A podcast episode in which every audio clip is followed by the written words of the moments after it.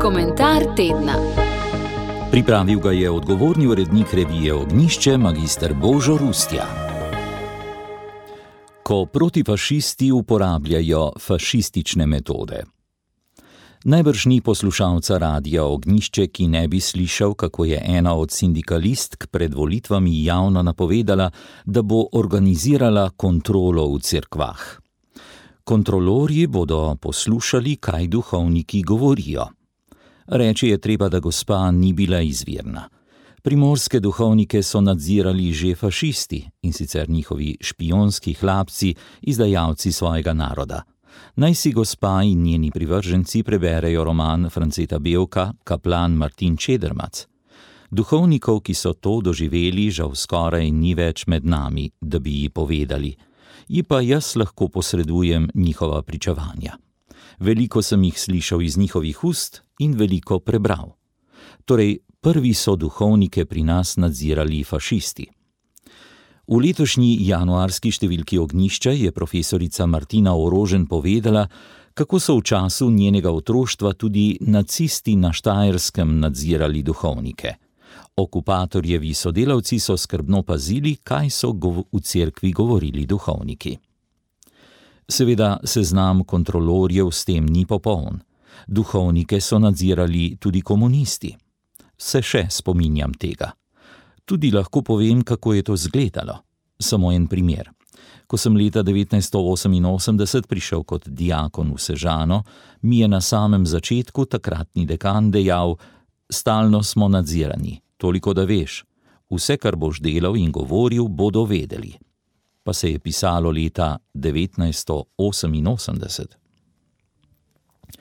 Torej se je gospa sama prištela v neslavno družbo. Je pa lepo, da je pokazala, pri kom se navdihuje glede nadziranja cerkve, pri fašistih, nacistih in komunistih. Ti so tako delali in podobno je hotela delati ona. Ne vem, koliko kontrol je izvedla, je pa že grozna namera, da nekdo leta 2022 napove metode, ki so jih uporabljali diktatorski režimi.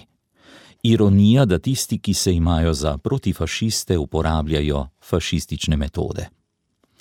Vredno vsakršne obsodbe. Pa je je bila deležna? So se zdaj zbrali demonstranti, ki so ustrajno demonstrirali proti fašizmu in protestirali proti napovedi uporabe fašističnih metod, niso. So jo obsodili v medijih, komaj kdo.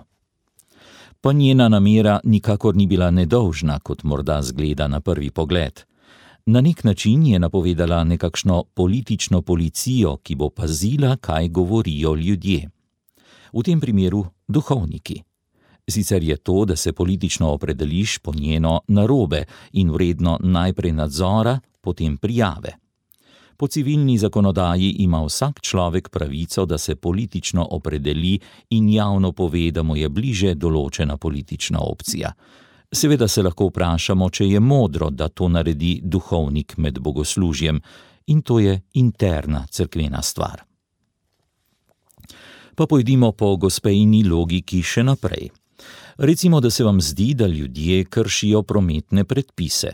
In zdaj vi uporabite njeno logiko in greste na cesto ter začnete kontrolirati ljudi.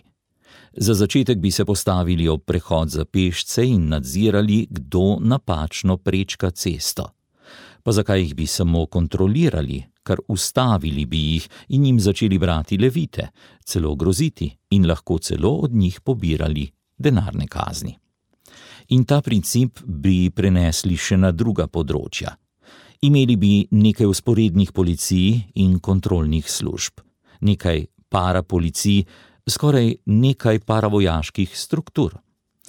Ali se, ne, ali se ne sliši grozno? Seveda se grozno sliši, in vendar smo nekaj podobnega slišali javno, in so tiste besede s strašnimi posledicami prenesli mnogi mediji, ne da bi se javnost od njih ogradila. V demokraciji ne more neka gospa kontrolirati ljudi, ampak imamo za to ustrezne službe. Paravojaške in parapolicijske enote so v zgodovini, tudi bližnji, naredile ogromno hudega. Besede je izrekla gospa, ki se ima za del civilne družbe. Zmagovalec letošnjih volitev pa je dejal, da bo izredno pozoren na predloge civilne družbe. Bo upošteval tudi omenjeni na svet gospe? Upam, da ne. Pričakovali bi zato, da bi se javno in jasno ogradil od takih izjav civilne družbe, ki jo namerava upoštevati. Prav tako bi pa pričakovali, da bi se bolj natančno izrazil, ali bo prisluhnil vsem delom civilne družbe ali samo nekaterim. Bo na primer prisluhnil tudi gibanju za življenje, ki organizira pohod za življenje. Tudi ti so civilna družba ali pa bo upošteval samo tisto civilno družbo, ki misli tako kot on in ga bo vsem nekritično podpirala. Potem bi bilo pravično, da bi povedal, da bo v slogu enoumja poslušal samo tiste organizacije civilne družbe, ki mislijo tako kot on, oziroma ki mislijo, kakor rečemo, strici iz ozadja, ali pa celo stojijo za njimi.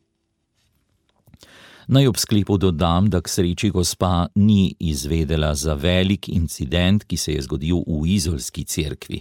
Vanjo je prišel golob in odgovorni so menili, da je v cerkvi nezaželen in izgnali so ga iz svetišča. Seveda je šlo za ptico. Toda kdo ve, če ne bi bil za večkrat omenjeno gospo to že incident, vreden njene stroge kontrole in še strožjega ukrepanja. Tako je v komentarju tedna zapisal odgovorni urednik revije Ognišče, magistr Božo Rustja. Komentar tedna.